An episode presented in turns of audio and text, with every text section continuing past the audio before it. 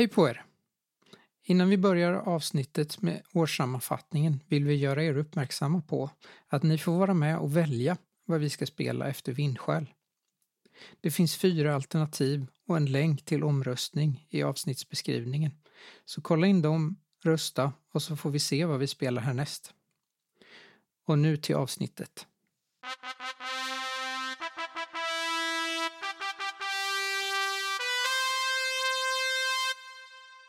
Hallå hallå och välkommen till Rollspelsdags årssammanfattning. Jag sitter här, Josefin, tillsammans med Jesaja, Ja, Samuel Hej hej. och Micke. Jajamän. Det här med årssammanfattning tyckte vi, det gick ju så himla bra förra året så vi tänker vi gör det igen. Det kan innehålla spoilers om ni inte har lyssnat på allting som vi har gjort detta året. Så fall får ni skynda er innan ni sätter igång och lyssnar på det här. Men eh, vad har vi gjort detta året? Hörni? Spelat rollspel. Massor. alltså jag har inte spelat så här mycket rollspel sedan jag var typ tonåring. Det börjar bli stressigt nu alltså. Ja.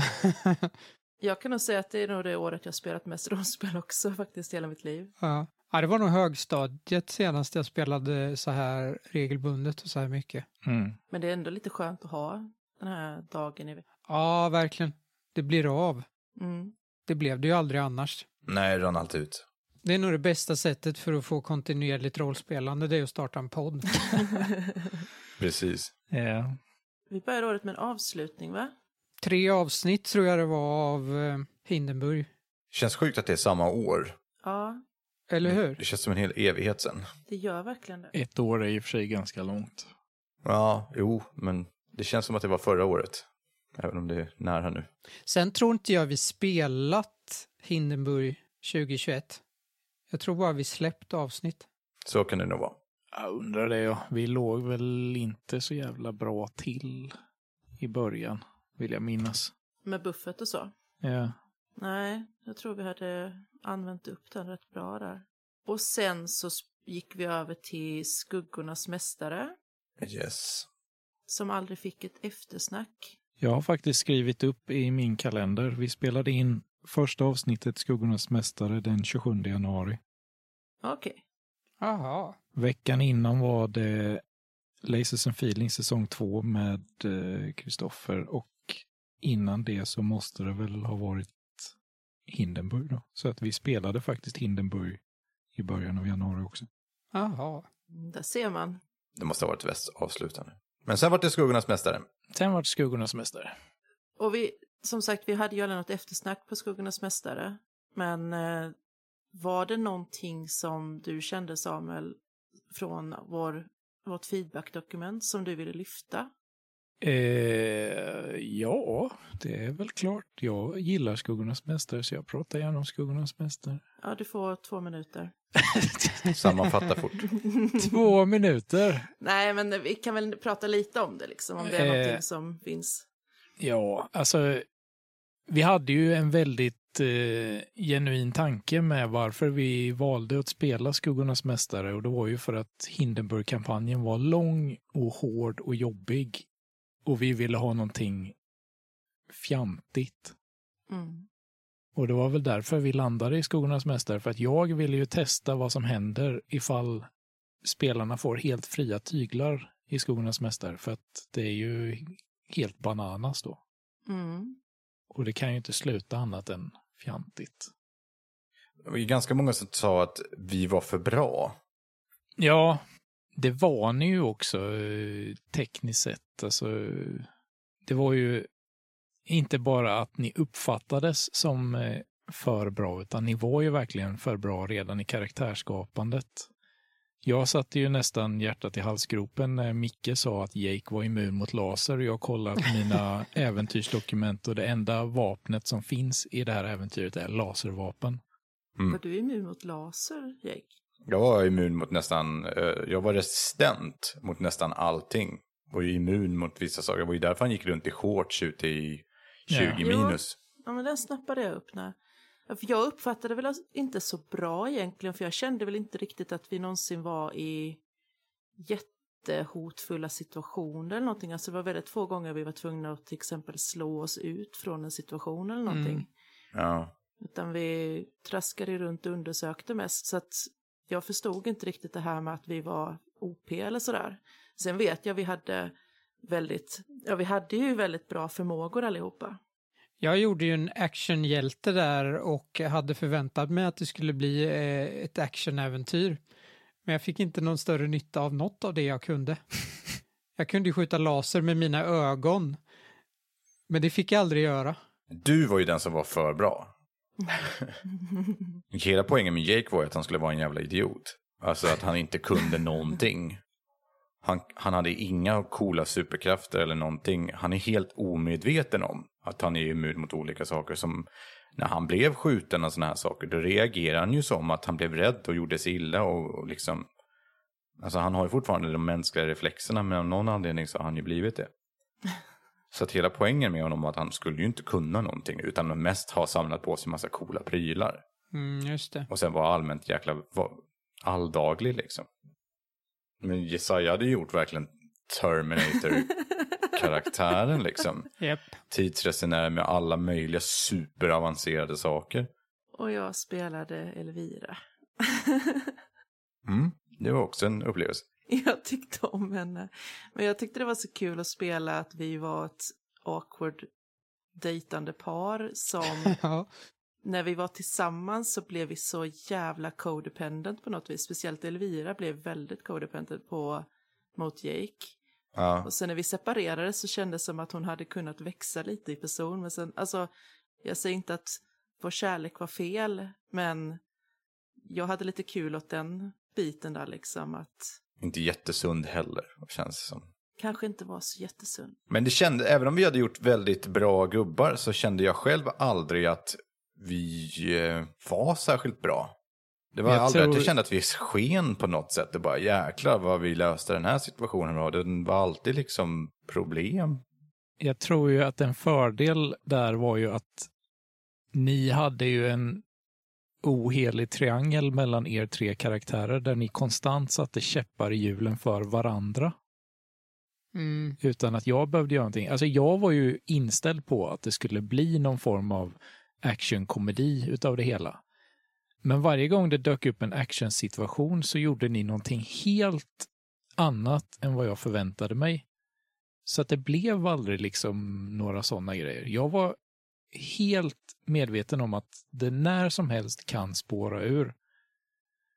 Men det gjorde aldrig det för att ni gjorde alltid en massa andra konstiga saker istället. Jag vet inte vad du pratar om. Så du säger alltså att jag har gjort en actionhjälte och sen så inte spelar karaktären som en actionhjälte? Ja, Jag ville nog göra det. Jag kände nog bara oftast att det inte hände någonting att studsa på. Utan att det blev att man promenerade väldigt mycket. Och man var så här, kan jag göra någonting här? Nej. Utan följ spåren i snön. Ja, ja, men då gör jag det. Och så liksom, vad man än hade för prylar och sånt där hjälpte liksom inte riktigt situationen. Jag hade hur mycket saker som helst men inget av det hjälpte här liksom. Utan blev att man bara promenerade i många avsnitt. Vad fan var det med slutet också, Samuel? Ja, förklara dig. Ja, vad fan var det? Precis. Nu måste du stå till svars. Vad var vad då med slutet? Det, det blev ju inget riktigt slut. Du var ju så här, äh, lyssna inte på tidspolisen eller vad det var någon sa. Ja, just det. Jaha. Ja, men det är ju en setup inför säsong två. Ja, jag ska att du lägger upp det så här. Vi ska spela säsong två. Vi har inte ens pratat om det i gruppen. Utan så har man bara, och här kommer en cliffhanger. Vi ska spela säsong två. Vi bara, va? Eller hur? Nej, men den eh, finns där ifall vi vill spela säsong två. Om inte så får folk gå runt och undra vad det betyder. Det är ju teoretiskt möjligt om vi skulle vilja då, med andra ord i alla fall. Ja, ja, alltså, Jag, jag gillar ju det här med lite halvöppna slut och så får man fundera där, hur gick det för Jake och Elvira sen och fick Karl-Henrik, eller Henry vad han heter, förlåt Jesaja, fick han sin pall till slut? Alltså sådana saker. Just det. Nej, men jag har en eh, fortsättning planerad ifall ni känner att det skulle ligga på. Så jag vet Jag har inte alla detaljer färdiga, men eh, så jag har ett helt ramverk färdigt över hur det ska fortsätta. Tänk om jag hade slutat skrömt med en cliffhanger och bara, ja men det finns en idé om en fortsättning. Då hade jag åkt och strypt dig. ja, jag hade hjälpt till. Det här kan vi nog klippa bort, det är ett hot. Nej då, det är ett löfte.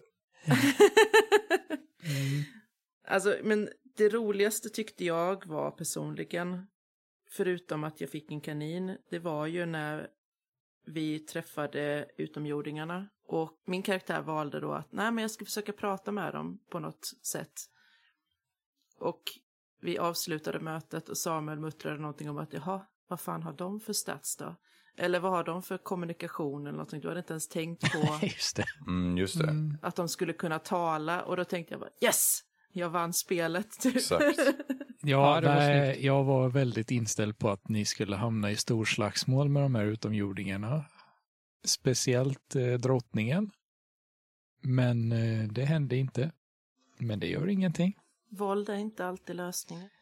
Nej, uppenbarligen inte. Fanns det en drottning också? Ja, Ja, det var den sista stora den kom till oss och Den hade ju ingen krona. Det var Nej. väl bara en av karaktärerna som träffade drottningen tror jag. ja, Hade den krona på? nej men den var större än alla andra. Aha. Jag hälsade på den. Men i alla fall, bara för att eh, ta det lite snabbt. Vi fick ju frågor till eftersnacket och de flesta frågorna handlar ju i princip om samma saker. Så fet spoiler, men bara för att besvara dem på samma sätt ungefär. Äventyret handlade om att för ungefär tusen år sedan så kraschade ett rymdskepp på planeten. Motorn gick sönder, började läcka ur konstig skit så att det kom en massa tachyonpartiklar i området som sabbade tidsväven i området. Och det hände konstig skit. Och sen reparerade ni rymdskeppet och utomjordingarna åkte iväg. Roboten TNA är ju butlerroboten på skeppet. Som var konstig för att den försökte hitta reservdelar som den kunde laga skeppet med och försökte smälta in i omgivningen. Det var därför den drog på sig ett människoansikte. Jag gjorde mitt bästa för att skjuta den, men det gick inte. Nej, det gjorde det inte. Nej, den hade plot armor. Mm. Ja, det minns jag nu när du nämner det. Att det var verkligen så här bara, men vi gjorde ju allt. Den bara, Men jag, jag använde ju skuggpoäng för att ge den plot armor. inte okej. Nej, spelledaren får inte hem- lägga hemliga poäng för att Nej. sabba för spelarna. De var inte ens hemliga. Jag sa det högt. Ja, det hjälper inte. Men eh, jag tänker att vi hoppar lite vidare. Äh, bara en sak förresten. Ja, förlåt. Det var en sak som hände i Skuggornas Mästare som störde mig något så oerhört. Mhm. Karl-Henrik frågade alla karaktärer han mötte vad de hette i efternamn, förutom Gabriel. Va? Är det så? Ja, jag fick inte säga Gabriels efternamn en enda gång. Det var ingen som frågade vad han hette. Nej, han var en skurk. Men ja, Vad hette han då? det känns som att du vill säga det. Ja, precis. Han hette McGuffin. Om ni vet vad det är. Gabriel McGuffin. Ja. En McGuffin är en eh, narrativ term på en pryl som folk letar efter eller jagar eller typ, men som inte riktigt har någon funktion utöver just det. Som till exempel väskan i Pulp Fiction. När du säger det har jag nog hört talas om att det hette någonting konstigt sådär. men det hade ingen betydelse, eller?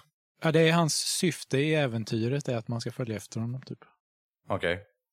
Jag ber så hemskt mycket om ursäkt. Nej, inte okej. Vad gjorde vi efter Skuggornas Mästare? Tramsat färdigt och börjat spela skrömt. Mm.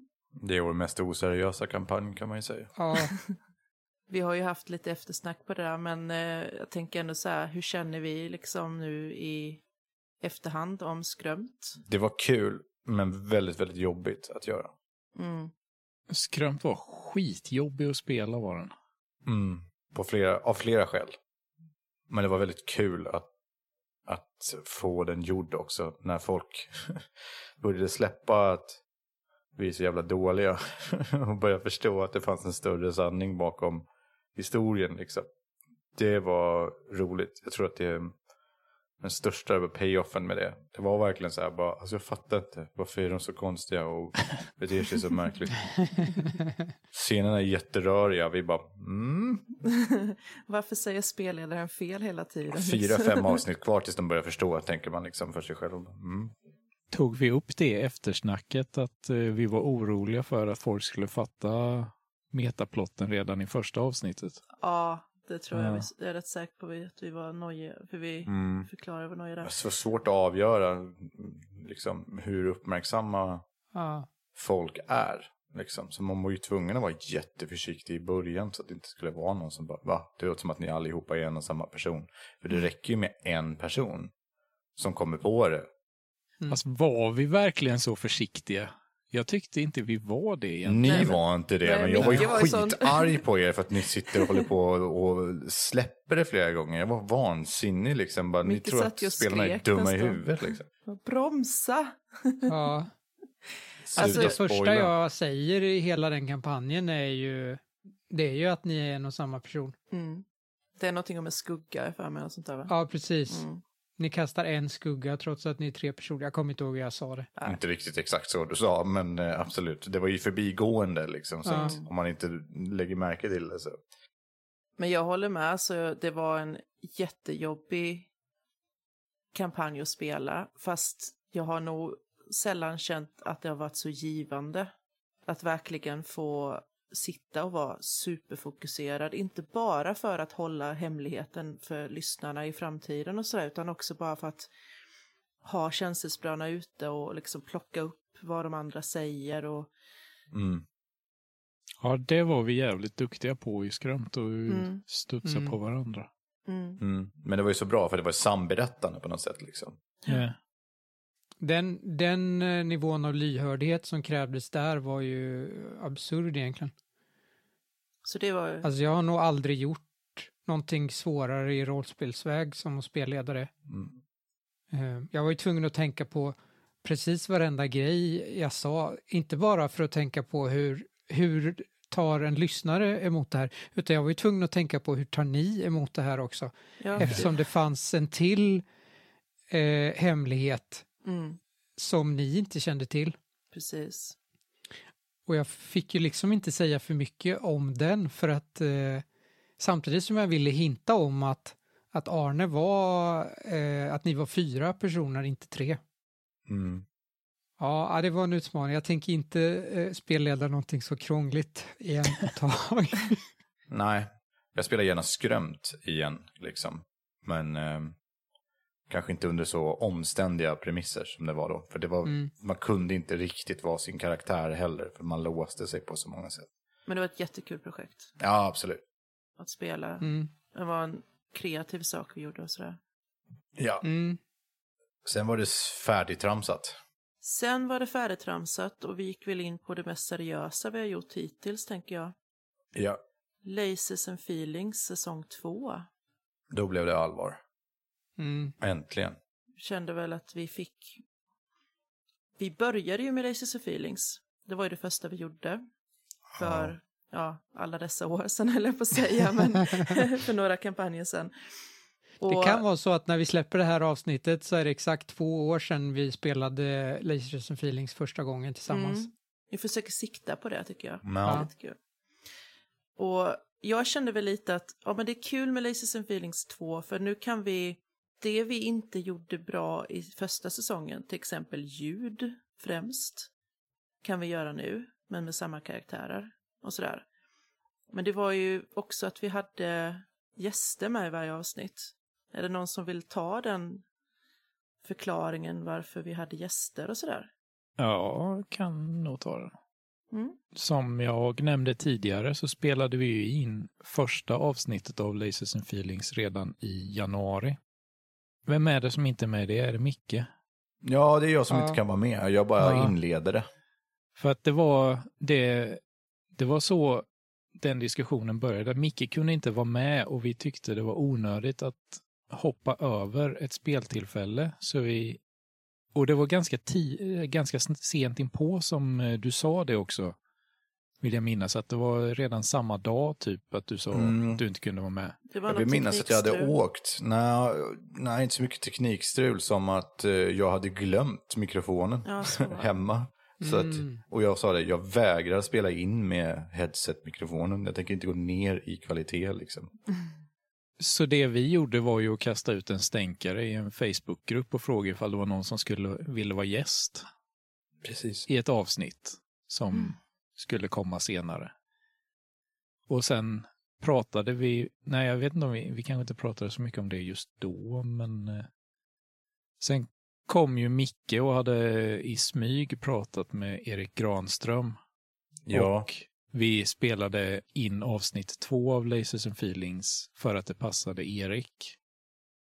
Det var väl, jag kommer inte ihåg exakt när det var, men jag tror det var mitt i Skuggornas Mästare eller någonting sånt där vi spelade in det.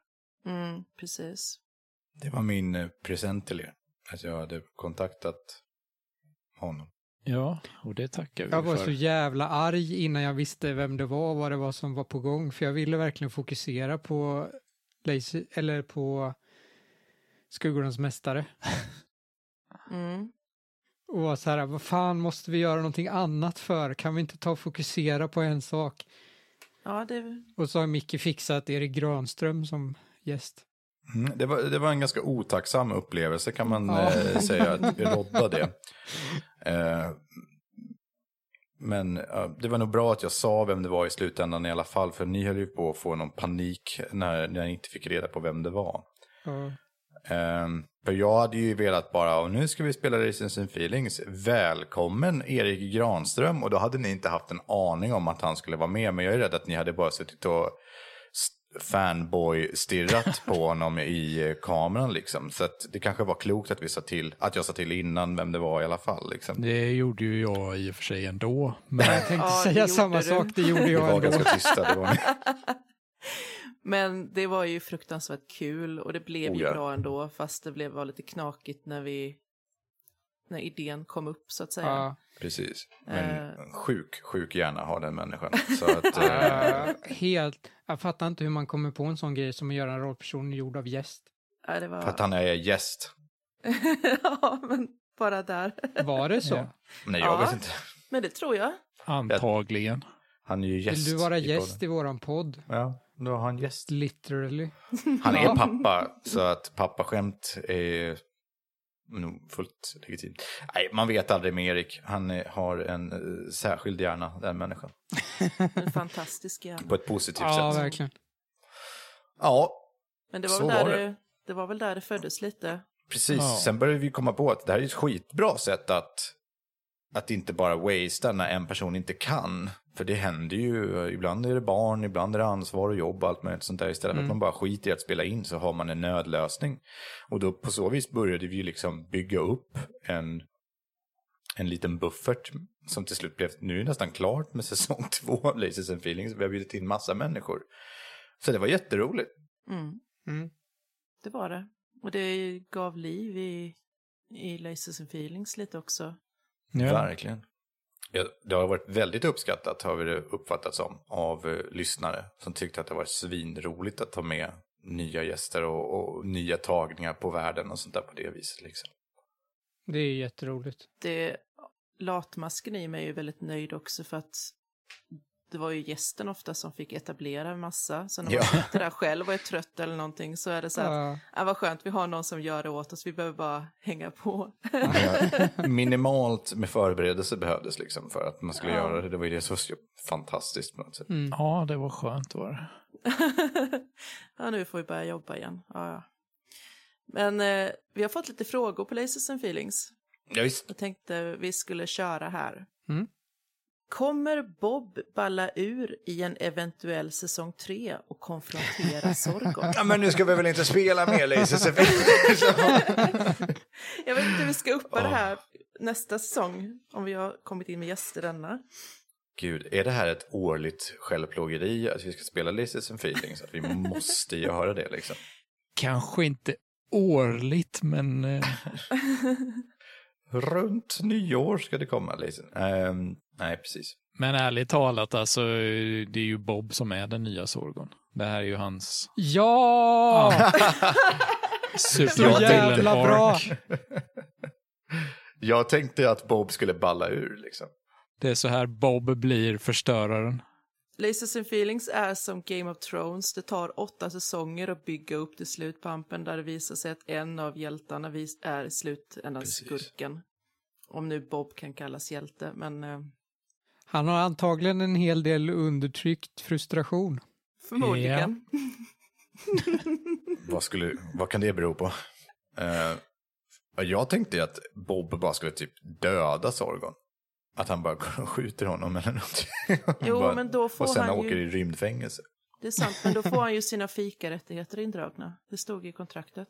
Ja, men jag tänker att han kanske skiter i det. Tror du det? att det liksom är viktigare. ja, vi har inte varit snälla mot Bob i år. Det har vi inte. Nej, Kommer Captain Darcy vakna och vad händer då med Funkmästaren, den nya kaptenen? Alltså vi kan väl bara vara ärliga, Captain Darcy kommer inte vakna. Jo, det måste han ju göra. Det här vore så roligt. Alltså, det är ju utgångspunkten i hela Lasers and Feelings är ju att Captain Darcy inte kan vakna. Alltså det är inte mitt fel då. Det är ju om vi spelar med crewet fast i ett annat spelsystem. Ja, alltså, det känns bara som att varför skulle han inte kunna vakna? Det, det är ju liksom bara... Om, om funkmästaren blir kapten, då kommer ju Bob och Frank gå och döda Sorgon och funkmästaren tillsammans. Sen kommer sluta upp en kupp och sen blir de nya skurkarna liksom. Herregud. vi har en Ja. liten utmaning där om det ska bli någon fortsättning på det. Ja, det börjar bli snårigt nu. Vi måste skriva upp alla intriger här. En, ett problem med Lasers and Feelings som jag upplevde i första säsongen är ju att när vi etablerar någonting nytt så är det ju hysteriskt roligt. Men ju mer vi spelar så här, det är inte roligt att etablera eh, samma sak en gång till. Nej, Och därför blev det mindre och mindre roligt. Det behövdes någonting annorlunda för att göra det kul att spela. Precis. Och därför var det jävligt bra att vi hade gäster med. Mm. Det är väl det precis. som gjorde det tror jag. Ja, så att det blir svårare och svårare att uppskatta lasers and feelings. Det behöver liksom göras på ett nytt sätt varje gång för att det ska vara liksom värt det. Eller. Ja, det, det är ju ett innovativt rollspel, men det blir ju ganska enformigt ganska Mm. snabbt. Liksom. Det är inte riktigt gjort för att det ska vara kampanjer av det heller. Nej, Nej. Nej, precis. Våran tanke är ju att det ska vara en kass B science fiction tv-serie Mm. Där varje nytt avsnitt är ett nytt äventyr och ingen som helst karaktärsutveckling däremellan. nej. Men även, även om man har den premissen från början så blir det ett platt och spelare. Mm. Mm. Men det hade varit kul att spela Lasers and Feelings i ett alternativt universum med ett annat rollspelssystem. Där Mm. alla spelar sina karaktärer, men då kanske det inte är parodi rymdversionen utan en, en mörk Death in space. rymd, ja precis, en rymdskräck plötsligt. Men man spelar fortfarande, ja men det är jag som är, mitt namn är Captain Frank Delicious. Bla, bla, bla, bla, bla. Men att man liksom, nej det finns inte ett spår av det liksom tidigare. Oj, Det, det hade varit coolt. hade, hade man Mm. folk klarat av det? Nej, doktor, doktor Murdoch. det brast Försök redan vara där. det, försök vara det med, med seriöst liksom. Mm. Jag gillar att spela Henry Texas. Jag kan tänka mig att göra det igen. Mm. Ja. Men frågan om det blir något mer Lasers and Feelings nu, det får vi se. Nej, nu är det väl på is, minst sagt kan vi säga. Ska Mm. vi gå vidare? Mm. ja, vi har väl varit lite här, varit tassat lite, men kommer Sorgon och Funkmästaren hedra det påskrivna kontraktet? Det tror Ja. jag. Mm. Det är klart. Självklart. De var väl de Oj, som oj. vann mest på det här, tänker jag. De är ju hyvens Mm. nu. De har ju bara sprängt planeter och grejer. Så att, eh, Ja, men vem har inte det, Max? mm. Jag vet inte vad ni menar. Bob, Max och eh, Frank blir nya skurkarna liksom. Så får vi spela Sorgon och Funkmästaren istället. Ja, det är det vi får göra. Mm. Var alla delaktiga i att välja gästerna och vem gjorde mest intryck på er? Samt kommer ni använda er av detta konceptet igen? Oj, ja. Jo, men vi var väl delaktiga när vi väl hade så här, ja nu har vi fem avsnitt kvar, vi måste välja, upp, välja vilka vi ska bjuda in och sånt. Då satt vi och diskuterade ganska mycket. Alltså, det var väl redan till och med efter avsnittet med Erik Granström som vi hade gemensam diskussion om vem vi skulle bjuda in. Ja, i och för sig, annars hade vi inte vetat vilka vi skulle bjuda in, så det har du rätt i. Vi kan ju säga också att det fanns ett par, ett antal personer som vi ville spela med som vi inte frågade. För att vi ville liksom inte köra 15 avsnitt Leisure and Feelings. Vi Mm. ville Precis. försöka hålla det till ungefär åtta och nu blev det nio. Mm, Jag tycker fortfarande att det är jätteroligt att det blev nio för att anledningen till att det blev nio var för att vi inte visste vem vi skulle ha med i det sista avsnittet så jag skickade iväg en förfrågan till två personer samtidigt och båda svarade ja. Ja, just det. ja, och det känns ju taskigt att säga nej, så då fick det Ja. bli nio. Ja, ja, vi ville ju ha båda så att det, det fick ju bli så. Inte värre än det. Sen finns det massa som vi vill spela med, men som vi inte frågade. Eh, För att det kändes som att vi kan inte ens ta fler just nu. Det får Nej. bli gäster i framtida projekt istället. ja. Mm. Så vi har väl kvar den listan, tänker jag. Precis. Så det, det konceptet att bjuda in gäster och sånt, absolut. Kanske inte bara i License and Feelings utan i andra grejer också. Mm. Det hade varit jättekul. Absolut. Mm. Och sen tycker jag att egentligen intrycksmässigt så tycker jag att alla gjorde ju, nu låter jag väldigt diplomatisk, men alla gjorde ju sitt egna intryck. Mm. Jo, men Ja, verkligen. Det var verklig personlig prägel på varje avsnitt beroende på vilken gäst vi hade Verkligen. med. Ja. Och hur dynamiken var annorlunda, men jag tyckte alltid den funkade. Mm. Eh, Det var så spännande att se hur det blev och sådär. Ja. Mm, Det var väldigt spännande att se hur annorlunda det blev med olika personer. Ja, jag tycker vi går vidare. Jag Ja. kan inte säga så mycket mer om Lasers and Feelings. Nej. Och så har jag lagt till vad vi gjorde efter det. Eller i mitten av det, vi tog ett avbrott där vid Halloween. Och Ja. släppte en one-shot. En väldigt speciell one Så shot. Just det. en väldigt speciell one-shot. En väldigt Ja. speciell one-shot. Då, eh, som jag spelade, Barkhäxan. Var det därför den var speciell? Ja, såklart. Okej då. Ja. Ja, men det var Ja, roligt. Snyggt gjort. Jag tyckte det var jättekul. Det var det bästa, vad ska man säga, premiären för en sån grej som jag kunde ha. Det var väldigt tacksamt att få spelleda den, det scenariot mer. ja, men det var bra var det. Jag minns att du beskrev någonting med fullständigt normal ton och så var det helt fucked up beskrivning. Och du beskrev det med en ton som var ungefär som att det var total vardag och inget konstigt alls. Ja, Mm. men det var mycket där som var riktigt creepy. Alltså jag fick ju sådana Mm. jobbiga känslor i kroppen av att spela det där att jag blev paranoid på riktigt och hörde smällar bakom mig och skit. Det var väldigt underhållande också. Ja, det det det. kan jag tänka mig att ni tycker. När, när Samuel börjar krypa omkring på golvet så man kan se det i webbkameran och bara, var är det någonstans? Var kommer det ifrån? Jag tyckte det var läskigt. Mm. Någon vid tillfälle kom din fru upp bakom dig också. Och öppnade dörren, vill jag minnas, under det avsnittet. Ja, men det var jag nog beredd på, var jag, Aha, okej. att hon skulle För komma Det hem. var fan obehagligt tyckte jag. Vad fan, nu kommer det någon mitt i. Jag kan ju säga, jag var ju livrädd också. Men det var ju av andra anledningar. Jag hade ju, jag hade ju bett både Jesaja och eh, Micke Fryksäter och eh, ja, Hermansson och att titta igenom äventyret innan och säga ja men det är okej, det går bra. Så här liksom, för att verkligen Mm. vara säker på att det funkade och speltestat också liksom och sådär. För jag tänkte att det här måste bli bra. Jag var ju jättenervös när vi började spela in. Jag, jag stör mig jättemycket för jag hör det på min röst. De första fem minuterna att jag är jättenervös. Ja, jag tyckte det släppte ganska snabbt ändå. Ja, jag märkte inte riktigt det faktiskt. Men jo, lite. Kanske nu när du säger.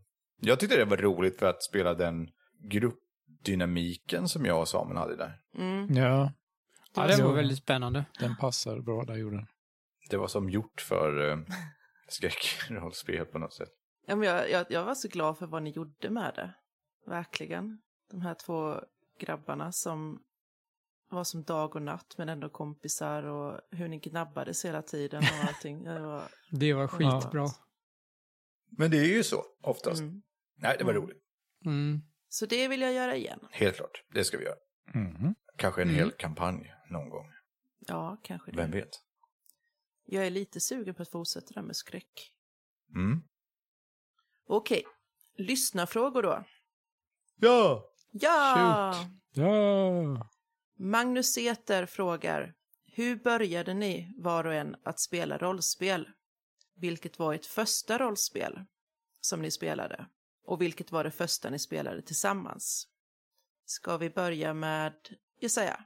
Eh, jag minns inte exakt hur gammal jag var, men 12-13 kanske jag var. 13. Eh, Samuel och jag har en bror som eh, hade med sig eh, MUTANT 2089 på ett lov. Vi har inte samma mamma så eh, han kom över loven till oss. Och så spelade vi MUTANT tillsammans och det var ascoolt och det här var lite som bara, det här det här är vad jag letat efter hela livet. Det här var liksom, fan rollspel, det hitta ett syfte med tillvaron helt plötsligt. Så jag eh, köpte Drakar och Demoner i en eh, bokaffär ganska kort efter det. Hör ni det nu kidsen? Det gick att köpa rollspel i bokaffären. Ja, Men det gör det väl nu med? Eller? Nu fick vi Jaja att komma av sig jättemycket. Ja. så jag har väl spelat rollspel i 25 år eller någonting kanske. Ska jag skicka vidare till Samuel då eftersom eh, han eh, är en del av den här berättelsen? Det känns som en naturlig övergång. Ja. Ja, mitt första rollspel jag spelade var ju då MUTANT 2089. Jaså?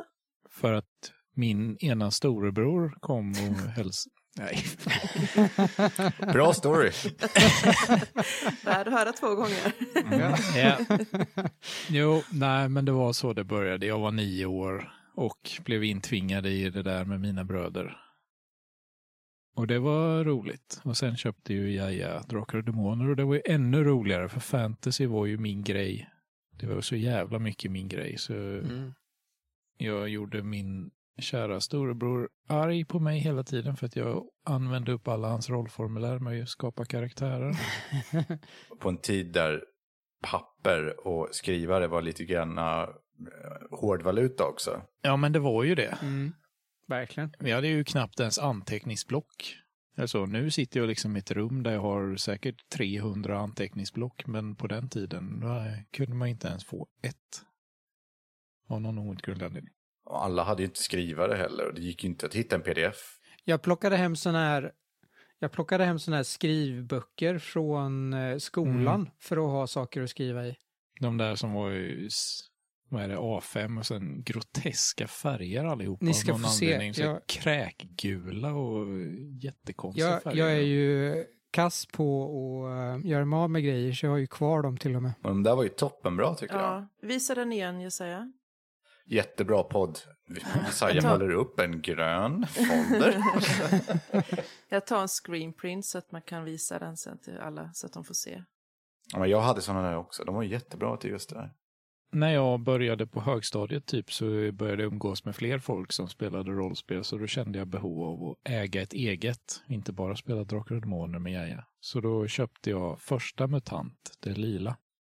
Och det var så jag började tycka om MUTANT, när Mm. vi sprang i Mos Mosell Mhm.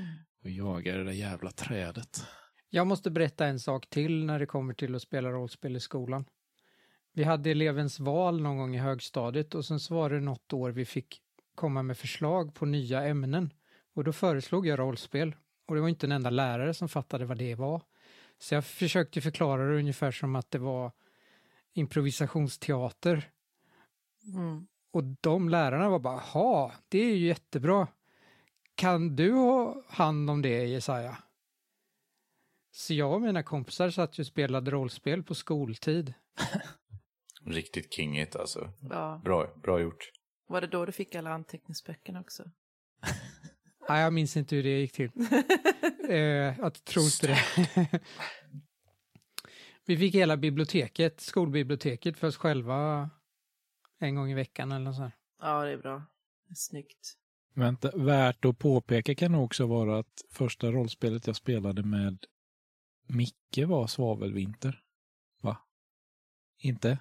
Nej, vi spelade en jättekonstig Drakar och Demoner-kampanj som jag hade gjort innan dess. Men började inte vi spela Svavelvin Svavelvinterkampanjen med Jaja innan det? Eller var Nej, det kom efter? efteråt. För den kampanjen rann bara ut i sanden. Kommer jag ihåg. Och sen efteråt så var det så här på ett eller annat hörn så hade vi lärt känna vår vän Per då. Mm. Som sen kom med i den gruppen. Ja, ja. För det första var- som vi rollspelar med Per är den jättekonstiga eh, Drakar och Demoner-kampanjen som jag gjorde. Och sen så efteråt så sa vi att Per är ju bra. Han är ju grym. För att jag kommer att ihåg att Jesaja sa, kan inte jag få ta med min kompis Per? Mm. Och jag sa, jo visst, det kan vi väl göra. Jag hade aldrig träffat honom. Och efter det så började vi med Svavelvinter. Okej, då minns jag fel. Ja, jag tror det faktiskt. Micke då? Mitt första rollspelsäventyr var nog i någon gammal Drakar och Demoner-upplaga. Jag hade inte det, jag hade nog aldrig hört talas om rollspel överhuvudtaget när jag var 12 tror jag. Och eh, jag gick ju på så här Waldorfskola så alla klasser var väldigt, väldigt små. Och vi hade ett väldigt pyttelitet eh, bibliotek som var ungefär stort som, ja jag vet inte, fem gånger tio meter eller något sånt där. Det var verkligen en vrå nästan. Och där höll vi till. Då började de berätta för mig vad rollspel är för någonting. Och då sa de, nej men det är ungefär som att spela, om du vet vad Diablo är för någonting. Jag bara, ja, dataspelet då. Ja men det är som att göra det fast på papper bara. Ja, det låter ju jävligt roligt. Och sen eh, fastnade jag i det helt och hållet. Och det var under samma era också som jag började läsa riktigt mycket också. Där jag fick upp ögonen för eh, David Eddings som jag läste. Så alla mina karaktärer hette ju typ så här Belgarion och eh, ja, olika versioner av typ silke och såna här saker. Så att det var liksom asdeppigt. Jag hade ingen kreativ ådra riktigt på det sättet. Eh, Och på den vägen är det. Låter som att ändå Drakar och Demoner är lite av en inkörsport till rollspel. Känns som det eller MUTANT liksom. Det, Ja, men det var ju Drakar och Demoner som var störst Mm. Mm. då. Drakar och Demoner passade så bra tidsmässigt för min del också. För det var lite grann i samma era som Sagan om ringen började komma som första film, vill jag minnas. Den första filmen kom där omkring. Och det gav ju liksom bara wow, jag ska göra en hob. Eller en alv, för alven var ju asball. Mm. Ehm, och så liksom, ja, det, det inspirerade. Jag tror att hela fantasy-Sverige fick ett enormt uppsving med den filmen. Liksom. Ja, det förmodligen. Ja, Jossan då? Tack så mycket. Jag hoppades på att någon skulle lämna över. Jag glömde bort det. så jävla dålig. Jag har ju inte suttit i något skolbibliotek eller någonting, utan det var ju faktiskt... eh, Dåligt. ja, jag är en dålig nörd. Eh, jag ville börja rollspela när jag var 11-12. När jag, när jag började förstå att det fanns någonting som hette det. Eller vad- det var, bara ett svagt koncept av det. Men eh, det fanns ingen jag kände som var intresserad av det. Så att Eh, det var någon dröm som fick dras, fick ligga i sanden i många, många år. Och sen så kom annat emellan. Men det var väl där 2016 någonting som eh, jag spelade rollspel första gången. Och då var det... Det här är svårt för att parallellt nästan så började två grupper. Den ena var drakar och demoner och den andra var mutant. Jag kommer inte ihåg vilken vi började med först. Jag tror MUTANT var först faktiskt. Ja, det var det kanske. Men lite nyare utgåvor då antar jag. Ja, var det mutant år noll, va? År noll var det. Ja. Och det var ju den jag fick starkast känsla av. Vi hade ju arken på ett område som alla kände till och det var verkligen den här känslan av att det här utspelar sig hemma. Och jag, ja, jag, jag, jag blev förälskad i det spelet, verkligen. Hela den världen. Vem var det som var spelledare då? Uh, vad hette han nu igen? Magnus? Nej. Micke kanske? Ja, inte. precis. Ja. Just det. Nej, det var faktiskt roligt. Det var väldigt kul. Det var väldigt kul. Så Micke förstörde mig för alla andra spelledare ett tag där. Det gjorde han ju. Med att ta, börja så starkt. Och eh, ja, första spelet som vi spelade tillsammans, alltså vi fyra, det var ju Lasers of Feelings. Mm. Ja, jag tror Ja. det. Mm. Det var det. Vi skulle starta en podd och vi skulle spela Lace Feelings och så testade vi två gånger innan vi gjorde det på riktigt. Mm, precis. Och Micke fick för sig att spela bimbo. Som sen blev en NPC. Kände att Ja. det här blev inte fräscht. Det- Jag tar en annan mycket fräschare karaktär. Jag gör Frank Delicious istället. Ja, ja, nu i efterhand så vet jag inte vad, om det var ett bra val att välja bort Celine för Jag Frank. hatar men- den karaktären. Jag skäms över att spela den, men jag måste göra det när jag väl... Liksom, det... Ja. Men Nej, det är det är ingen inte som bra. tvivlar på det. Vi vet att du hatar honom. Mm. Man kan inte alltid styra över vad ens barn gör för någonting. Liksom. För att min tanke var inte att han skulle vara så svinig som han var, utan att han skulle vara lite världsvan. Och ja, han var en sån här charmör, liksom. Men det är väldigt svårt att spela det utan att det blir parodi, liksom. Sen blev han bara vidrig. så, så var... Är det inte ja. ganska många karaktärer vi har gjort nu som har varit, ja, kanske inte vidriga, men som vi som har spelat dem inte gillar riktigt? Mm. Vem är sympatisk i Lasers and Feelings egentligen? Bob. Ja. Bob är väl den bästa av dem kanske. Celine är väl den som är typ den mest normala. Hon Ja. bara studsar liksom på allt annat och bara, mm, men nu Mm. gör vi det här. Ja, Ja. så är det. Tar vi nästa. Ja. Ja, David Kiskander. Först, tack för den lyckan ni delar med er. Fantastisk podd. Fråga till alla. Vad tycker ni är bäst och roligast med att spela rollspel? Mm. oj. Eh, Jag tycker det bästa och roligaste är när man sitter och får verkligen känna in utifrån sin karaktär och känna att det, det min karaktär gör studsar någon annan på och vi tillsammans verkligen bygger upp en scen eller ett scenario eller någonting. Lite det här, det är en stark gemensamhetskänsla och så sitter man helt inne i sitt, e- sitt eget huvud och föreställer sig det samtidigt. Det är väldigt givande tycker jag. Kreativt och givande.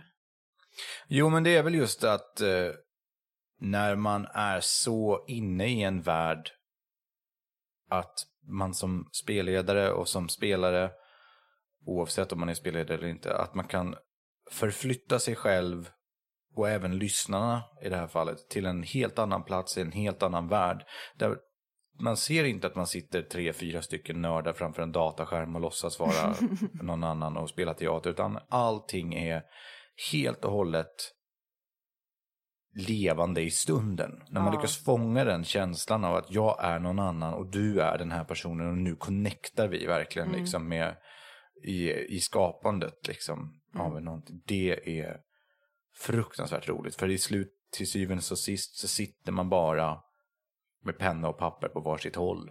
Mm. Men man lyckas ändå samberätta någonting verkligt. Exakt. Samuel? Ja, det går väl lite in i allt här, men just, alltså jag älskar ju det här med att man inte bara skapar världar, utan man lever i dem, man levandegör dem. Mm. Det, det blir så tydligt i rollspel att man gör saker som får påverkan. Det är liksom, saker kommer till liv. Mm. Det är inte bara en berättelse, utan det är en levande berättelse. Mm. Precis. En levande berättelse, det är ju jättebra sätt att beskriva rollspel på. Mm. Du det säger? Jag älskar ju att vara kreativ. Det är lite, jag tror väl alla människor kanske har det som ett inneboende behov, men jag känner väldigt starkt att jag har ett behov av att få vara kreativ. Och det har ju varierat lite med åren. Jag har ju varit musiker länge och göra musik är ju ett sätt att vara kreativ på som jag uppskattar väldigt mycket. Men rollspel är... Dels är det så spännande saker som man kan uppleva som liksom inte går i, i vardagen. Och vi spelar ju med ganska stark immersion, alltså inlevelse, eller vad man ska säga. Det blir ju väldigt starka upplevelser när vi spelar. Mm. Verkligen. Det är därför vi tycker det är jobbigt att spela skrumt exempelvis, för att det blir påtaglig känsla av ångest liksom. Mm. Och även om det kanske är jobbigt så uppskattar jag ändå den förmågan att kunna levas in i hur en, en annan förvisso påhittad person mår och tycker och tänker och känner och hur den skulle agera. Att samskapa en berättelse tillsammans med er på det här sättet är ju jävligt roligt. Mm, det är. Och extra kul i podd. Mm, För då kan man återuppleva det sen. mm, verkligen. Jag tycker vi har ganska lika svar där. Ja, det Det tror är jag. rätt bra. Ja. Mm. David har en fråga till. Russin eller inte russin i lussebullar? Inte, Jo. inte, Jo. Det är klart Russin. det ska vara russin Ja. på lussebullar. inte, nej, fy, Jo, tre av Och fyra dumma. rollspelsdags har avgjort med demokrati. Russin i lussebullar. Mm. Hur känns det Samuel att ha helt jävla fel? Jag har inte fel bara för att ni... Vad är det de säger? En miljard flugor kan inte ha fel. Ät bajs. Försök inte ens. Bara för att ni Hur är vann- fler så har ni inte rätt. Hur var det ett vinnande argument? Du säger ju bara Ja, just mindre det. att russin stämmer. Russin är bra. Nej. Om alla tycker om det. Om vi inte släpper någonting mer nu, David, så vet du varför. Då har vi blivit för osams. Det är Davids fel. Davids splittrade rollspelsdags på Ja. självaste julafton. Det var russinfrågan som fick kamelen. Josef frågar. Har ni funderat på att köra Nordiska väsen? Jag skulle gärna höra er tolkning av den spelvärlden. Jag vet inte hur ni eh, står med väsen, men jag äger spelet och spelar det på hemmaplan, typ Mm. just nu. Och jag är inte jätteförtjust i det. Så nej. Nej, okej. Alltså, Alltså, det har inte lockat mig heller, Nej, det har får faktiskt jag väl inte erkänna. varit det. Jag ser få till ingen anledning att spela det över skrömt eller chock. Jag känner lite samma sak faktiskt. Skrumt är så jävla bra så att varför spela något annat? Jag, jag gillar arten i den. Den är skitball. Ja, Ja, det gör jag den är schysst. Ja, jo, ja. Jag kan tänka mig att Väsen är ett jättebra spel om man spelar det skitlänge just för att man, man har ju ett headquarter i Väsen eh, på lite samma sätt som man har till exempel Hinderburg med sin verksamhet och sådär. Så om man spelar det jättelänge och får bygga upp det massor Mm. och sådär så kan det nog säkert bli roligt. Men att bara spela det som en engångsgrej i 13 avsnitt, nej, då finns det bättre spel. Så, nej, så vi har nog inte riktigt, vi har i alla fall inte diskuterat det. Så, ja. Tony Skarpenhed frågar, vågar man drömma om ett crossover-avsnitt mellan MUTANT och Lasers and Feelings när MUTANT Ad Astra släpps? Fy fan. Vi har precis sagt det, inte mer, inte mer Lasers and Feelings. Alltså jag undrar om den där kommentaren kommer från att jag konstaterade att Lasers and Feelings och MUTANT Hindenburg utspelar sig nästan samtidigt.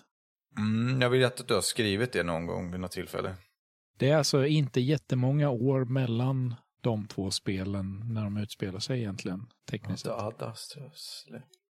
Om det skulle bli en crossover, säger inte att, men om, så är inte det omöjligt att någon karaktär från en närliggande kampanj skulle dyka upp, om jag känner oss rätt.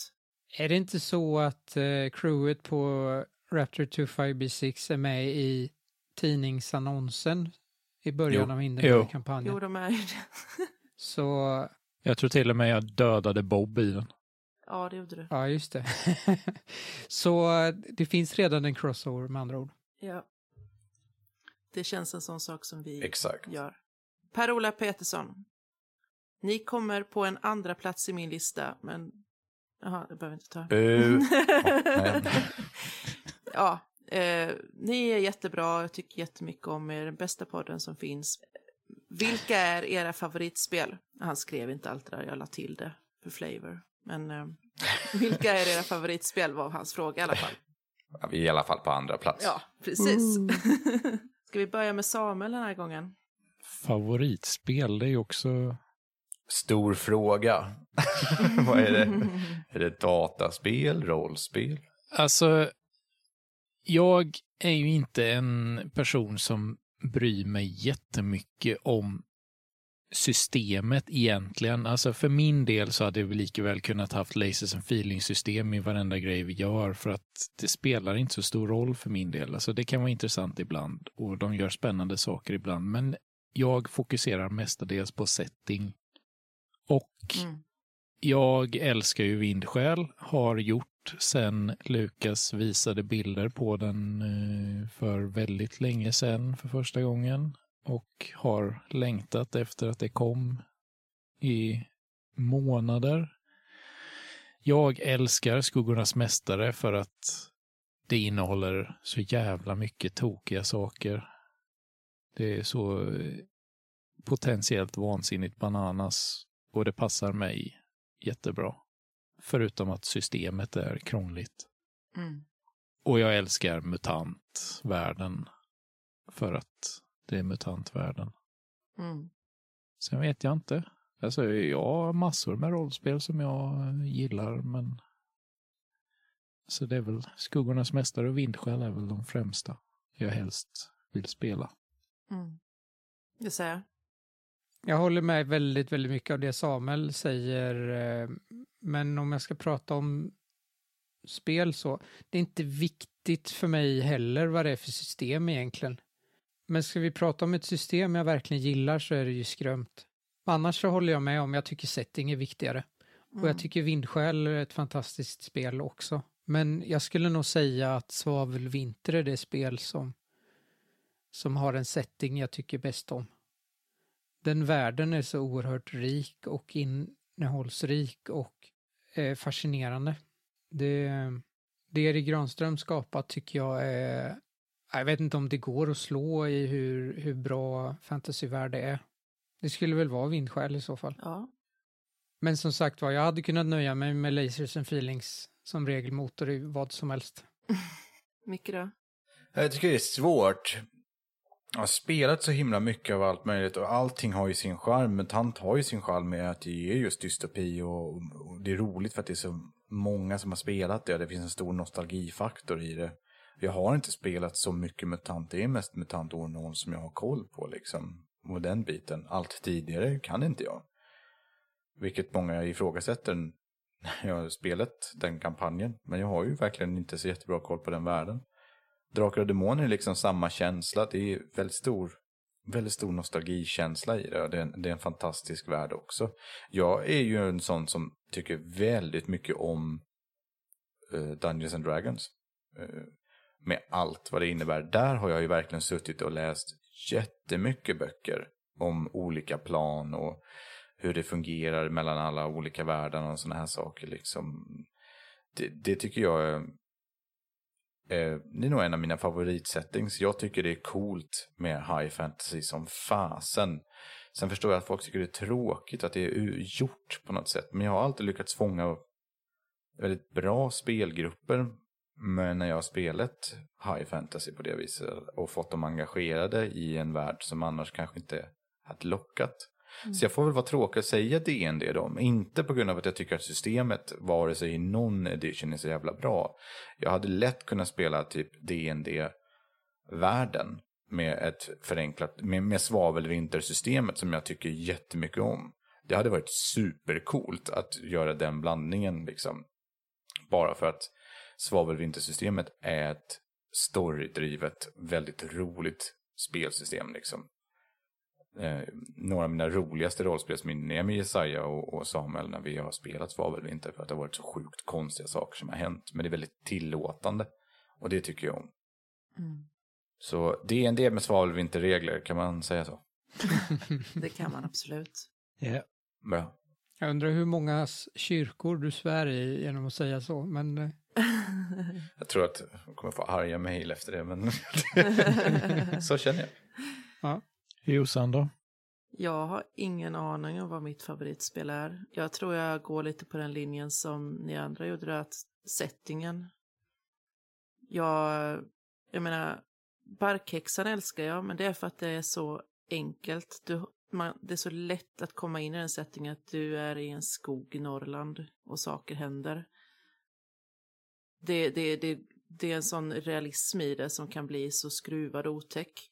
Men sen älskar jag ju dystopier, så då är det ju, och då hamnar jag ju på mutant. Men, det, och sen gillar jag ju skrömt jättemycket för att det var sån, det var en psykologisk skräck när vi spelade och sådär. Men det, det är sättningen tror jag. Jag bryr mig inte så jättemycket om vilket system egentligen. Så det är med känslan. Christer Bjur frågar, när ska ni köra MUTANT igen? När det här släpps så måste ju våran omröstning vara igång, va? Ja, det Antagligen. sa vi att den skulle släppas lite tidigare. Ja, det skulle ju Okej. bli där runt.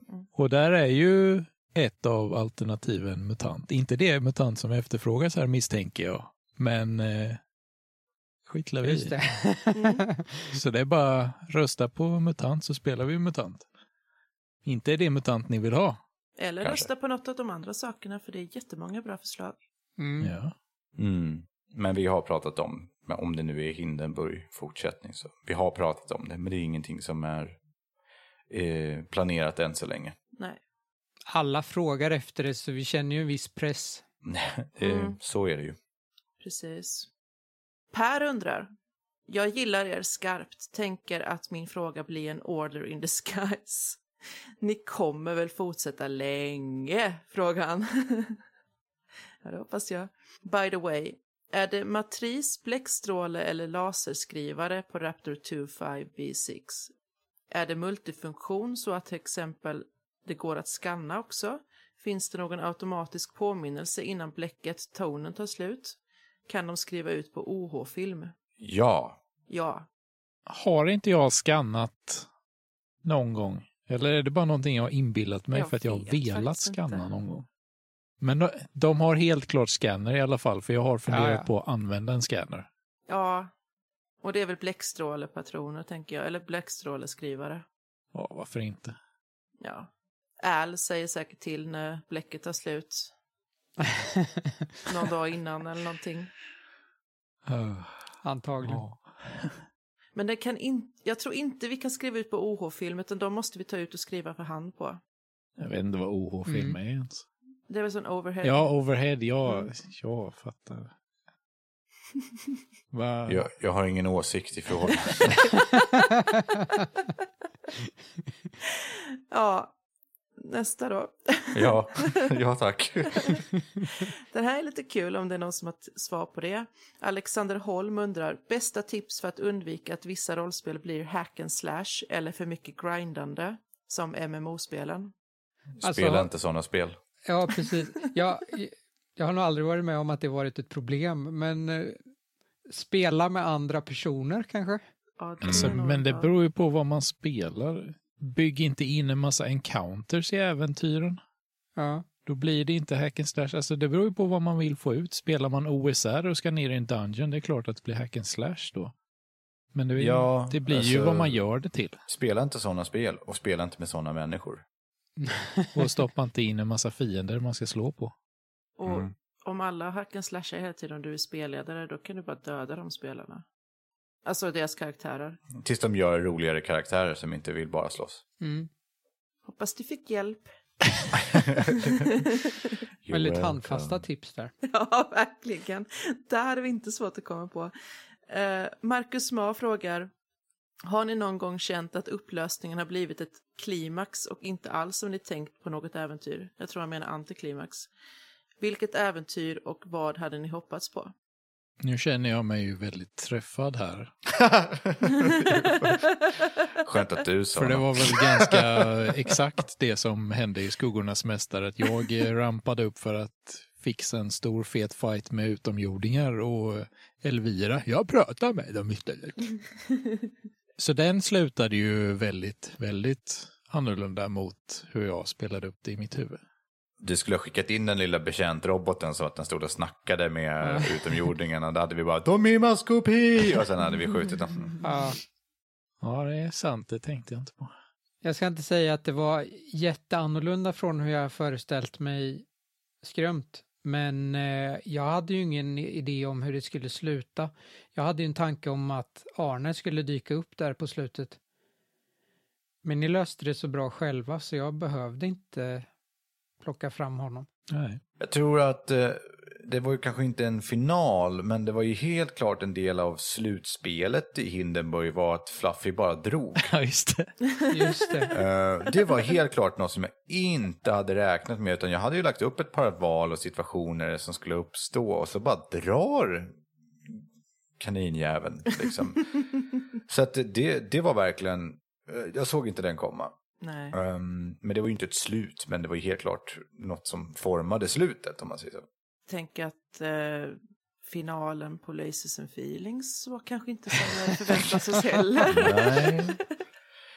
Men det kändes lite som att det barkade åt det hållet. Ja, alltså- Björn bara, jag gör diplomatkaraktär. Man bara, ah, okej. Ja, var det inte lite så att vi förväntade oss att något sånt där skulle hända när vi fick hans karaktärsbeskrivning skickad till oss? Jag tänkte inte på det. Jag tänkte att nu ska det bli någon sån episk slutgrej som alla av säsong ett när någon står med någon sten och hotar att krossa någonting på en berg som håller på att falla ihop eller någonting. Alltså, Nu spränger vi dödsstjärnan. Mm. ja, Känsla liksom. eh, Ja. jag, jag, jag, fun- jag funderade inte så mycket så jag var sån här, men jag blev ju jättenöjd med slutet. Ja, jag det tyckte var ju det var perfekt. Ja. Jag hade det på känn när jag såg vad det var för karaktär. Och man vet ju att gästen ska ju leda avsnitt lite Ja, grann. Liksom. Men ju mer han, Björn alltså, la sig i hur, nej, men du kan ju inte ha med dig en handgranat när vi går in där. Och det, det blir ju inte så bra. Det kan uppfattas som offensivt av 73 stycken olika folkslag. Liksom. Bara, ja, eh, just det. Så du ska vara med och medla här nu. Så det var ju bara tvungen att bara, nej men det är väl roligare. Och så på Ja. något sätt så kände jag som spelledare också att det blir mycket roligare än att man bara, vi går och dödar han. Och han också, han funkmästaren, har vi dödat Mojk bägge två, nu är det klart. Man bara, det är inte så mycket wow-effekt av det. det var liksom. det det här var ju mycket bra. roligare. Mm. Men det var svårt att komma på i stunden kan jag Mm. känna. Bara, hur motiverar Jag var man inte det här? beredd på det heller. För jag, visst, jag hade inte läst hans karaktärsbeskrivning. Jag hade bara hört er andra prata om den. Mm. Okej. Så jag visste inte riktigt vad jag skulle förvänta mig. Så jag var inte beredd på att det skulle bli på det sättet. Nej. Men det, var det bästa väldigt kul. slutet. Ja, det kunde inte ha blivit bättre. Nej, Ja, verkligen. jättekul var det. Det är lite för bra slut för att fortsätta också. Mm. Det är ett slut som väcker extremt mycket frågor och man tänker, hur fan gick det sen? Och det är där man ska sluta liksom. Ja, Jag är säker på, som Samuel frågade där, om det fanns en spirande romans mellan doktorn och Sorgon, där de bondade växthusen där, att ja, det tror jag också att det gör. Det vill jag spinna vidare på om vi fortsätter sen. Ja, Sista frågan här från lyssnare. Röda Pesten frågar, vad är det pinsammaste ni gjort någonsin och vad fick det för konsekvenser? Inom podden då antar jag. det, det, ja, ja Vi väljer fri tolkning på det. Alltså det förutsätter ju att man skäms för saker man gör. Eh, Och du har ju ingen skam i kroppen. det, Exakt. Jag skämdes väldigt mycket över eh, avsnitt, vad det nu blir, 27 i Hindenburg när jag hoppade in de sista fem minuterna eh, när ni spelade ensamma. just det. Och Mm. glömde trycka på rekord. Just det. Det skämdes jag väldigt mycket över. Ja, just det. Alltså jag skäms över hur, hur upprörd jag var över Mickes present av eh, Erik Granström som gäst. As well you should. Och det här var den svåraste frågan. Jag skäms ju så fort jag öppnar munnen. Det är ett problem. det är ett, det är ett så här återkommande ständigt problem för mig. Jag, jag hade en, fan jag hade en i huvudet som jag tänkte, ah, Jag kom på det. Jag skäms fortfarande för att jag droppade ner min praktikant Tyson i akvariet med blodiglar. Det gör var jag faktiskt. Det tycker jag inte att du ska göra. Det blev ju jätteroligt. Det grämer mig. Eller när jag skulle krama Bob efter att jag har varit typ dödlig vid berörelse. Och skulle testa om jag fortfarande var det. Det skäms du ju inte för alls. Okej, nej. Jag skäms över att i avsnittet med Mia Gibson så glömde jag att säga avsnittsnamnet i avsnittet. Mm. Det grämer mig och min, mitt kontrollbehov ganska mycket. För att när man lyckats göra, naila det där på något sätt i varenda avsnitt och så glömde jag helt bort det. Det har aldrig hänt liksom. Det var ett Det, sånt ju- häftigt namn det också. stör mig också. och det var så lätt att få in på något sätt liksom. Ehm, det är väl inget jag kanske ligger sömnlös över å andra sidan. Men eh, det, det är helt klart något som jag tyckte var... Det är så stördigt efteråt. Pinsammaste tror jag är när jag spelade Frank Delicious mot Amanda. Och det bara var jag, Jesaja och Amanda. Och konsekvensen blev att jag typ skrev frekvent till Amanda efteråt och bad om ursäkt för hur min karaktär var. Åh, Eh, och jag var övervägde på fullaste allvar att bara, det här är för sunkigt. Jag kan liksom inte släppa det här avsnittet för att folk kommer hata mig som person. För att människor är dumma och kan liksom inte se att jag spelar en karaktär. Det, är inte här, det här är inte mina värderingar liksom. Men eh, efter att ha klippt det och lyssnat på det så inser jag att eh, Amandas karaktär är ett jävla as också. Så att, det kändes liksom som, ja, ja, de utnyttjar varandra lite grann sådär. Så att, det är rätt tydligt att ni båda spelar. Eh, Det, det är nog det där som jag hade mest ångest över i år tror jag då, i podden. Helt klart. Jag tvingade er, lyssna på det för det här måste ni lyssna på, det här känns inte bra. alltså. Jag gillar att du har spelat världens största douchebag i allmänhet eh, i skrömtkampanjen, men det är ändå Frank Delicious som är värst. Ja, men Conny tyckte jag var rolig att spela. Conny var ju liksom, Ja, jo, men han var ju inte schysst. nej, men Någonstans. han var ju verkligen, han skulle ju vara skurken liksom. Han var ju, jag vet inte, jag bara kanaliserade min surgubbe i mig. Usch, säg inte så. det, det är jag som är Conny. Eh, Står för alla hans värderingar. Eh, Ah, okej. nej, men eh, det, det är liksom, det, det kändes som att han var så mycket, han, jag vet inte, han, han skadade ju inte någon. Men det, det, var lite, det var lite känsligt med Amanda, för vi hade aldrig spelat med henne. Mm. Det var första gången. Och så ska man spela någon obehaglig, tallig eh, rymdgubbe liksom som... Nej, det kändes bara fel. Men som tur är har Amanda fortsatt velat spela grejer med mig. så att eh, vi fortsätter göra nya fräscha Ja. grejer. Ja, förhoppningsvis. Ja, Ja. Okej, vi har inga fler flis- lyssnarfrågor. Jag tänkte... Vi har inga fler lyssnarfrågor. buske. Okej, det pinsammaste i år, det var ju Buske. när vi spelade in sist. Och det tog fem minuter för mig att säga två meningar för att jag fick ett skrattanfall. Jag tror att jag kanske kan klippa det, för det kommer ju inte vara med i år. Nej, det är sant, det kommer inte. Det är en teaser. En teaser. Jag tänkte vi skulle avrunda det här lite med tre snabba årets bästa. Snabba. Och det är inte det lättaste att komma på. Årets bästa rollspelsdagsminne. På tre sekunder. Jesaja. Det är du som är Conny. det var faktiskt bra. Det, det är, alltså, den är så jävla bra så att eh, den förtjänar typ en tröja eller ett klistermärke eller någonting. Ja, där har vi merch. Skriva merch. Ja. Det är du som är Conny, den, eh, den, eh, det är fan det bästa cliffhanger någonsin. Jag fick rysningar igen. Ja. Samuel. Ja, det är väl lite kopplat till samma grej, fast eh, snarare eftereffekten av det. Eftersom vi satt som på nålar i, vad var det, sju avsnitt och undrade varför ingen fattade metaplotten och sen helt plötsligt så är det någon som skriver i en spoilertråd och äntligen förstod vad det var som höll på att hända. Det var kul.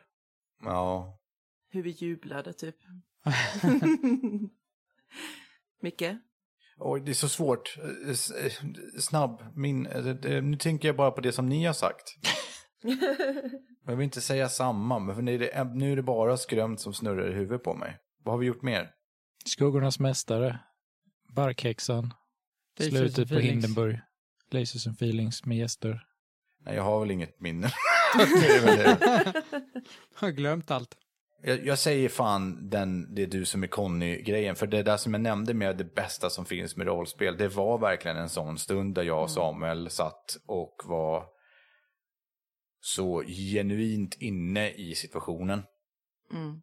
Det är verkligen en av dem som jag kommer ihåg också Mm. med absolut starkast. Du då Jossan? Ja, alltså kommentar på det är ju att, eh, jag har sagt det innan, jag säger det igen, att sitta där och se det utspelas live var sjukt. Och jag satt liksom och bara... Alltså det var en fröjd att, att lyssna när ni hade, spelade ut den scenen. Det var verkligen häftigt. Men jag kommer vara så förmäten att jag kommer faktiskt säga Barkhäxan, för det var jättestort för mig att spelleda. Förstår det. Så Mm, tycker jag. trots allt annat fantastiskt kul vi har gjort och allting så för min skull så är det nog att jag vågade vara spelledare. Jag tycker inte det är förmätet att säga det heller faktiskt. Nej, det tycker jag är bra. Stor, stor debut också att, att Mm. göra det på något sätt. och lägga upp det ja, det, till det hela känns- Sverige att lyssna på. Ja, precis. Det känns inte som alla gör det. Nej, men för att, så det var en stor grej för mig var det. Mm. I både rollspel och rollspelsdags. Liksom. Eh, det här svarar väl kanske igen på samma, men favoritscen eller situation? Samuel? Oh. Du får inte säga att det är du som är Conny. Nej? Nej, men jag vill nog eh, säga snarare att eh, min favoritscen var exorcismen under skrömt-kampanjen. När du skulle sticka henne med svärdet. Ja, men det var ju just, alltså hela grejen, det var, det var ju där hela den kampanjen började, jag vet, det är fel ord att säga nystas upp, men det var ju liksom där det började gå ut för Spåra ur snarare. Ja, det var där när Frank Aust började bli galen Mm. av spelreglerna som eh, det började liksom bli riktigt jävla intressant för att då visste man inte vad som skulle kunna ta sig till Mm. vidare. Och sen stör jag mig som fan på att det är ingen som har anmärkt på att det är orden till One-Winged Angel som jag säger i exorcismen. För någon analfabet på nörderier, vad är One Winged Angel? Sephiroths temalåt från Final Fantasy 7. Aha. Nu är jag outad som icke-nörd. Då kan icke-nörden ta nästa, eller svara på frågan härnäst. Alltså jag tänkte också på uh, exorcismscenen faktiskt. Eh, även om det är tråkigt så var det det jag tänkte på. Jag la ner så jävla mycket tanke och möda och energi på att den skulle bli bra. Jag vet inte hur mycket jag funderat på hur, hur fan jag ska kunna låta som en, eh, en besatt person liksom. Ja, det var otäckt var det. Ja. Precis, jag ville få den känslan av er att det här var någonting otäckt och jag ville skapa en riktigt otäck scen. Mm. Jag satt ju och försökte göra musik som var specifikt bara till den scenen också. Det Mm. finns ju en låt som aldrig kommer användas till något annat än exorcismscener och det kommer vi nog aldrig ha igen. Och jag var så inställd på att det skulle vara ett helt spelmöte. Mm. Så ehm, ja, exorcismen under skrömt säger jag. Vill du ta mycket? Ja, jag försöker komma på någonting som inte är skrämt. Eh, för annars blir det att man bara säger skrämt hela tiden. Jag är så dålig för nu sitter jag bara och tänker på det. Men eh, jag tyckte väldigt, väldigt mycket om eh, Jake och Elviras relation. Eh, jag gillade scenen när de splittras. Mm. Att då är det kanske inte meningen att vi ska vara tillsammans. Ja, fan vad ledsen. För det gjorde ont, alltså att Ja. sitta och säga det. Eh, sen tyckte jag väldigt mycket om Jake och Carl Henriks extremt ofunktionella relation. Mm. Mm. Det var liksom, det, det tog lite, det tog väldigt mycket fokus ifrån huvudstoryn på något sätt. Men det var väldigt, väldigt roligt att vara extremt misstänksam mot eh, Jesajas karaktär hela Mm. tiden. Och det skapade väldigt många roliga situationer tycker jag. Ja, Mm. nej, men det, det har du rätt i. Du då Jossan? Mm. Jag har så många, men i och med att vi faktiskt spelade in det här i slutet, eller början av detta året, så säger jag faktiskt finalen av Barkhäxa. Hindenburg. ja, Barkhäxa. Finalen av Hindenburg. Finalen min. Mm. För åtminstone ett eller två av, av slutavsnitten spelade vi in detta året. Och det var ju när vi hade delat på oss. Så Samuel satt och körde från sin sida. Och sen satt Jesaja och jag en annan dag och spelade in från vår sida. Mm. Och ingen visste vad som hade hänt. Ingen av oss fick lyssna på varandras avsnitt. Och när vi, utan att prata om det i förväg, i slutscenen bara bestämdes för att ja men det här har ju varit grejen hela tiden, att vår kamratskap och tyckte väl att det var väl det lyckligaste slutet vi kunde få och så hör vi Manfred Jävelns jävla röst i slutet där och man bara åh nej. Eh, hela den resan var så underbar och jag mådde så dåligt. Det, var, det var bra. så, så den sitter starkt fortfarande men som sagt jag tror, jag, jag har suttit och tänkt på varenda kampanj vi har gjort här, hittat sådana här roliga små situationer och favoritscener och sånt där så att eh, det är svårt att svara på.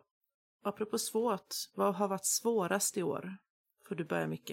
Skrämt.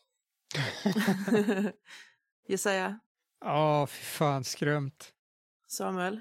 Lite mer specifikt, scenen där Franks sinne bryts på riktigt när dubstep-låten går på. Visst ja. Hade jag svårt att ta mig igenom. Jag började ju gråta på riktigt. Mm. Det var kämpigt att ta sig igenom den scenen överhuvudtaget. Var det. Mm. Mm. Ja, det var svårt på många sätt. Alltså, Mm. det, det var tunga scener och det var mycket allvar. Det var också Ja. svårt att spela utan att avslöja någonting. Att spela utan att, att... Att komma ihåg att man inte hade kontrollen över karaktären just då och så vidare. Det var väldigt mycket som var svårt med Skrömt. Men det blev ändå bra på slutet. Mm. Mm. Ja, Ja, fy fan vad mycket det var att hålla koll på. jag har nog lite det också svårast. Det var så emotionellt många gånger när vi hade flashbacks. Som var så att man blir verkligen påverkad av det. Mm. Så det, det i och för sig inte det svårast, men det var tyngst på något vis för efter att vi spelade ut den här scenen med mobbarna och läraren med Conny, Mm. Mm. där jag spelade den här läraren, det påverkade mig fruktansvärt. Ja. Och sen påverkade det mig väldigt mycket när jag spelade ut scenen där Johanna kom ihåg sin mardröm, vad som har hänt. Ja, just det. Och det var så hemskt att gå in och sen bara göra det så mörkt. Och jag vet inte varför det blev så mörkt, men det var det vägen man tog där mitt i alltihopa. Och det var, det var så här, man behövde andas några gånger innan man fortsatte efteråt. Mm. Mm, kul avslutning. Ehm, Muntert. Ja, men eh, vad, har, vad ser vi fram emot nu då? Året som kommer. Vindskäl. Mm. Ja, Vindskäl är ju aspepp på att höra hur folk mottar, men någonting som jag har sett fram emot nu i, jag vet inte hur lång tid vi har diskuterat det här, är ju att få reda på vilket spel som vinner omröstningen. Mm. Vi låt lyssnarna välja. Det har jag varit spänd på hur länge som helst nu. Ja, det ska bli Mm, spännande. det ska bli Det ska bli spännande. roligt. Får ni bestämma vårt öde? Eller vad någonting är. Ja, Lite grann i alla fall. lite grann. Under kontrollerade former. Mm. Du då Micke, vad ser du mest fram emot? Jo, men det är nog framförallt att se hur, eh, vad folk tycker om Vindskäl-kampanjen, tror jag. Det, jag har lagt ner ganska mycket tid på den. Jag, jag ville göra någonting som ska bryta av just Hindenburg fascinationen på något sätt. Jag älskar verkligen er allihopa som tycker så mycket om Hindenburg-kampanjen och jag vill verkligen någon gång i framtiden hoppa tillbaks till den också. Men jag, jag känner, det, det, det får bli sen. Men jag vill visa att jag kan göra något annat också än att Mm. vara spelledare för Hindenburg. Jag kan göra andra bra kampanjer också, så jag hoppas att man ska liksom se det på något sätt. Mm. Jag hoppas att folk ska tycka om Vindskäl-kampanjen. Jag tycker väldigt mycket om den i alla fall. Jag tycker vi har väldigt roligt när vi spelar Vindskäl. Absolut. Mm. Ja. Men absolut, det ska bli jätteroligt med omröstningen också, så att säga. Ja, jag är astaggad på den. Jag ser fram emot att eh, spelleda mer. Mm, det ser jag fram emot att du ska göra också. Mm. Ja, Utvecklas det ser jag också fram emot. Återigen. Jag fick ju inte vara med. Nej, du fick inte det. Så det, det måste vi försöka få ihop när vi allihopa kan nästa gång. Mm. Jossan får bara spelleda när Jesaja inte kan på onsdagar. Mm. Jag eh, tycker det ska bli jättekul med att eh, släppa vindskäl till allihopa och sen se vad vi gör. Vilken kampanj det blir helt enkelt av de som vi har på omröstningen. Det är ganska spännande tycker jag att inte veta. Ja, vi får se vad det blir. Det får vi göra. Mm. Det var allt vi hade idag. Hmm. För i år. För i år till och med, förmodligen. Oh my god. Så jag vill passa på att önska er och lyssnarna en god jul och gott nytt år. Och tack för att ni lyssnat. God jul i efterskott. Gott nytt år i förskott. Mm. Ja, Eller? Precis. Ja. Och god fortsättning och så vidare. allt det där. Trevlig helg. Se till att tagga vindskäl som fan nu. Ja, Ja. gör det. Det Ja, är awesome. Vi är bäst på vindskäl. Jag, jag är helt säker på det. Vi gör allt rätt. Ja, det lugnar vi ner oss med. Gör vi inte det eller? Nu blir vi nervösa här. Vi spenderade typ ett helt avsnitt med att käka frukt. Mm, Det är det man gör i vindskäl. mm. Det har jag lärt mig. Nu, nu blev de peppade, alla Mm. lyssnarna. ja. Upp och ner med förväntningarna här. Så tack så jättemycket för det här året, Rollspelsdags. ja, tack. Tack. Tack. Och Och tack lyssnare. till er som Ja, lyssnar. det är väl Mm. framförallt tack till lyssnarna. Ja, jag tycker verkligen. att ni förtjänar tack också. Mest jag. Mm. Nej, okej. Det- Hörrni, ja, vi tack hade allihopa. inte kunnat göra det här om det inte var vi fyra. Nej, Verkligen. vi jobbar bra ihop. Mm. Mm. Tack så jättemycket hörni för i år. Tack, för i år. Tack själv. Bra jobbat allihopa. Bra jobbat. Hej då! Okej, ja. Hej. Hej då! Hej då! Nu stänger jag av inspelningen innan vi säger hej då en gång till.